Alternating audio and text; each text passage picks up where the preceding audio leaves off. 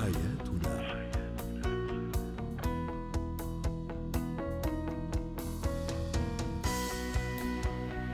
أنتم تستمعون لسكاي نيوز عربية في أبو ظبي وبرنامج حياتنا برنامجكم اليومي الذي يعنى بشؤون الأسرة وباقي الشؤون الحياتية الأخرى.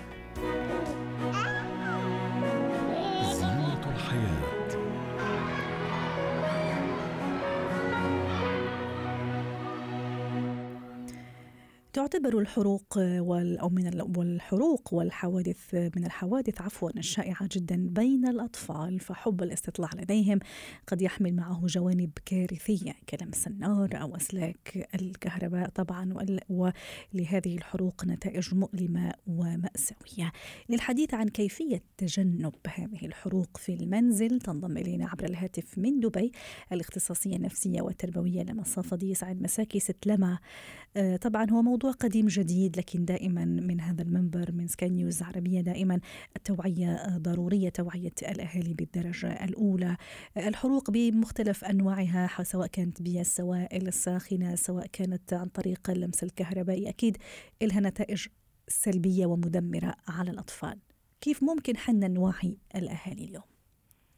الموضوع جدا مهم لأنه نحن بالأغلب ننتظر وقوع الحادثة ونبدأ بعلاجها. ولكن يعني لا نقوم بالشرح مسبقا عن الموضوع. وحوادث الحروق ممكن أن تحدث نتيجة أمور موجودة في المطبخ أو بالأمور أي أي مقابس للكهرباء في المنزل ممكن حتى أن تؤدي إلى وجود حروق. وتحدث في أجزاء من الثانية ست لما طبعا طبعا. ولذلك نحن غافلون عن الموضوع حتى يقع. نبدأ بعدها بالحديث أو لم أنفسنا عن الموضوع. اولا المفروض بوضع قواعد في المنزل التي آه، تضع لكل طفل حسب عمره المسموح والممنوع. مثلا أنا أقول لطفلتي التي تبلغ من العمر الخامسه أو خمسة أو ست سنوات بأنه ممنوع استخدام أدوات المطبخ أو الدخول في المطبخ وإذا أردت مساعدتي فالمسموح والممنوع. ربما يرتفع السقف قليلا عندما نتحدث عن أطفال بعمر العاشرة أو الحادي عشر من العمر. فإذا أول نقطة هي وضع القواعد. يعني عندما يدرك الطفل ما هو الممنوع والمسموح هو مسبقا يعرف لأنه لا يستطيع استخدام مثلا الآلات الكهربائية في المطبخ ممكن أن تسبب حروق أو استخدام الماء الساخن. النقطة الثانية التوعية يعني الشرح بأنه نحن أنا أرى أمهات مقابس الكهرباء عندما يحاول أي طفل وهو طبيعي بالفطرة والفضول عند الأطفال وضع يده في فتحات الكهرباء ضرب الطفل على يده صح. وأن تقول له لا لكن الطفل لم يدرك لماذا لا ولم يدرك هو لماذا ضرب فالمفروض عندما يبدأ الطفل باكتشاف هذه الأشياء أن نقوم بالشرح. تقول لي الأمهات بأن طفلي عمره سنتين أو ثلاث سنوات هل سيفهم؟ أيوة نقوم بتبسيط الفكرة. يعني أنا أقول للطفل عمره سنتين يضع يده أقول له لا أنها مؤذية تسبب الألم.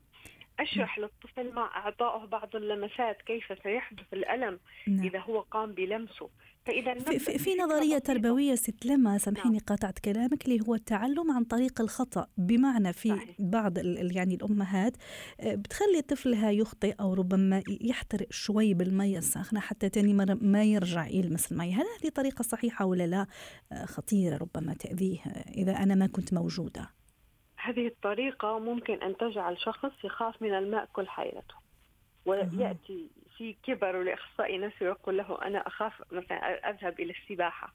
أنا لدي رعب من فكرة الاستحمام.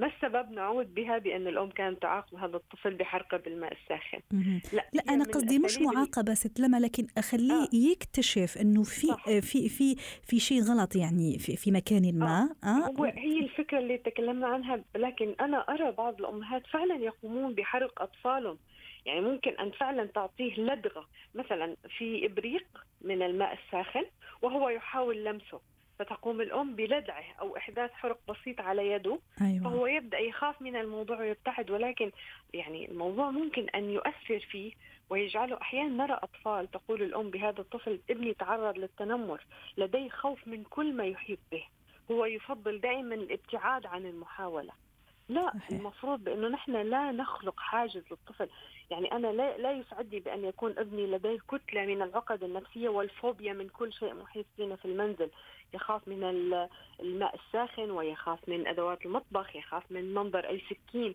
المفروض فقط الشرح بأسلوب مبسط مثلا لدي إبريق ماء ساخن.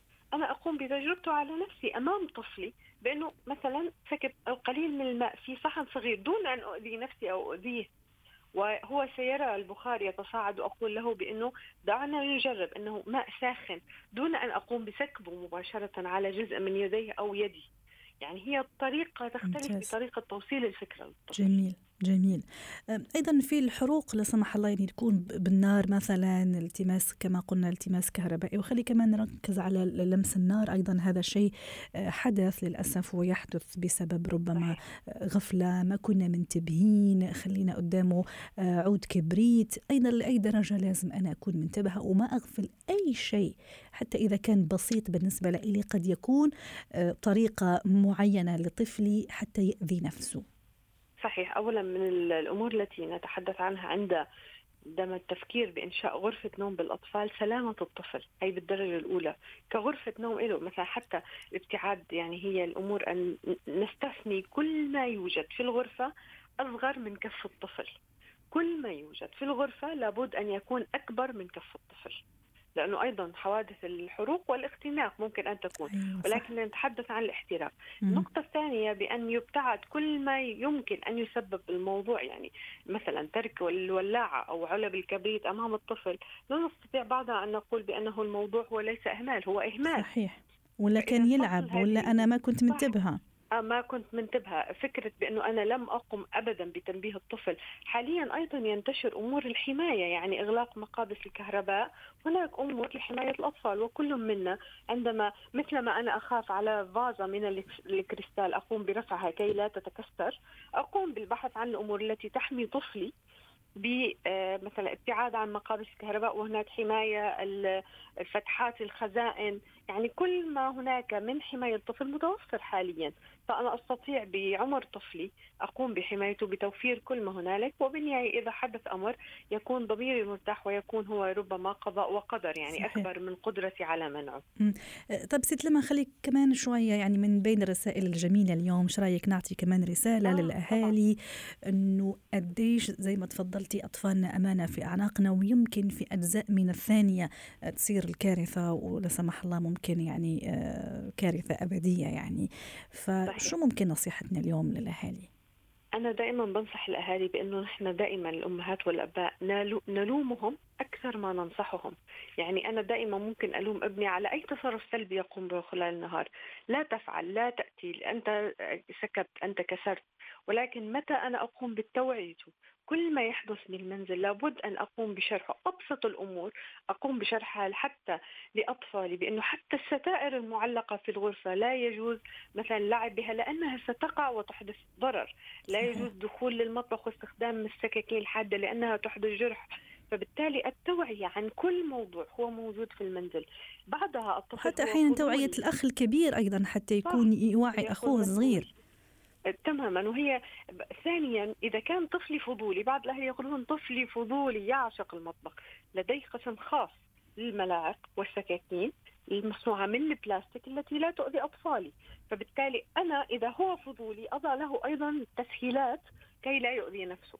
يعني الموضوع هو محتاج وقت بالدرجة الأولى وعي بالدرجة الثانية وبالدرجة الثالثة أن أقوم أنا بتأمين هذا الطفل وتأمين منزلي وبعدها قد تحدث. كلنا تعرضنا لمواقف وحوادث ولكن جدا مهم أن لا أعاني من تأنيب الضمير بأني كان ممكن أن أمنع ما حصل لطفلي وربما لا سمح الله يعني إذا حدث شيء من هذا القبيل قد تتفكك الأسرة قد تطلق المرأة لأنه طبعا. تحمل المسؤولية. الكبيرة في في هذا كما الموضوع. يحدث بحوادث الغرق التي نسمع عنها بإهمال الطفل في مسبح المنزل أو في مكان عام فبالتالي أيضا يعني هي من كلها من الحوادث اللي بعد أن تقع لا يفيد لا الوعي ولا, ولا الندم فعلا تؤثر على كل آه، أفراد الأسرة. شكرا لك أستاذة لما الصفدي الاختصاصية النفسية والتربوية ضيفتنا من دبي ومساءك سعيد. حياتنا